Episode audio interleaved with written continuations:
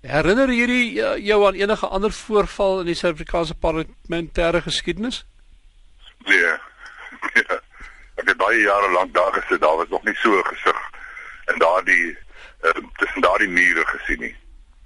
Wat maak 'n mens hiervan? Want uh, soos jy nou hier gehoor het ook seker ons luisteraars het uiteenlopende menings.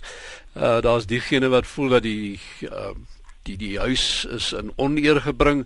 Ander wat sê man, dis nou lekker hierdie ouens bring nou 'n nuwe bries hier in en hulle vra die vrae wat gevra moet word. Is dit demokrasie ja, in aksie?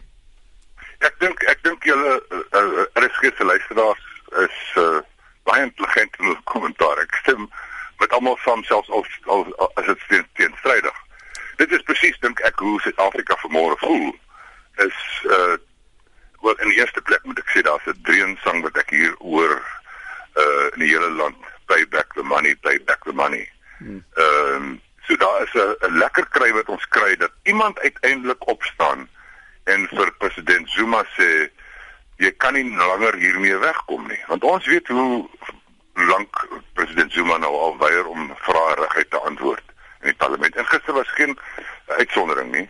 Maar waar het hy gesê hy het gesê I responded appropriately. Nou elke mens weet die verslaggie wat hy ingedien het, wat hy maande laat ingedien het, was hoegenaamd nie appropriate nie. Ehm um, hy het die uh openbare beskermer in die gesig gevat, hy het skaars na na verwys.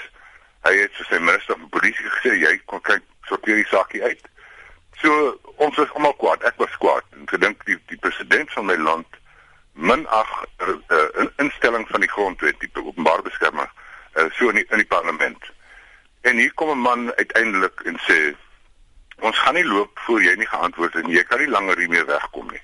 Ek dink ons kry almal lekker dat iemand uiteindelik hierdie hierdie ding breek en sê kom tot hier toe en nie verder nie.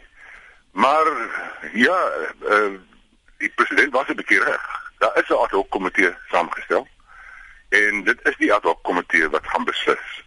Ehm um, wat gaan aanbeveel hoeveel of wanneer hy betaal.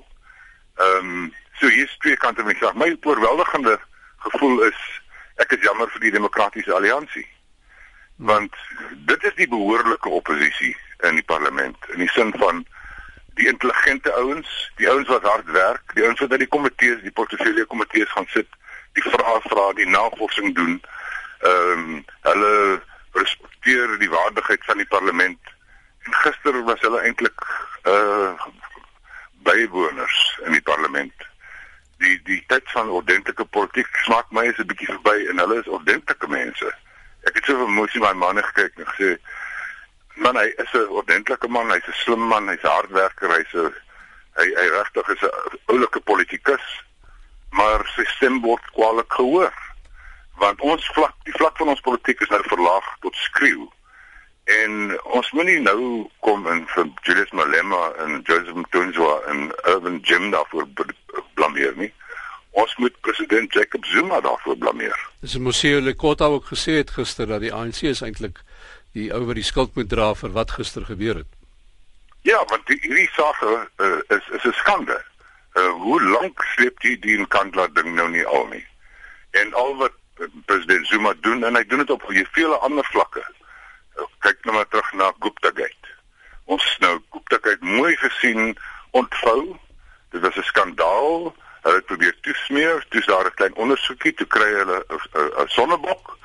Toe word die sonnebok gestraf en stilletjies 'n paar maande later word die sonnebok vergoed deur 'n ambassadeurskap in Nederland te kry. Nou in Kandla lyk vir my mos gaan dieselfde wees. Lyk my lyk my dit gaan die uh, amptenaar of twee op openbare werke wees of die argitek wees en hulle gaan die sonnebok wees en onder die tafel deur gaan daar 'n paar rand wees of daar gaan 'n joppie wees ergens in die toekoms en dan is die hele ding weer toegesmeer.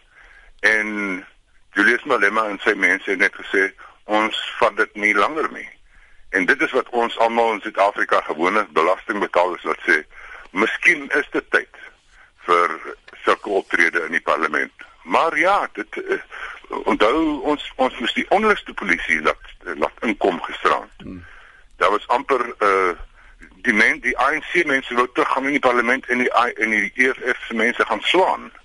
Nou dit kan ons nie in ons politiek duld nie. Die die die temperatuur in ons politiek is te hoog. Ons kan nie oor hierdie merkie gaan, hierdie hierdie hierdie keerpunt gaan waar ons begin geweld inbring in ons in ons parlementêre politiek nie.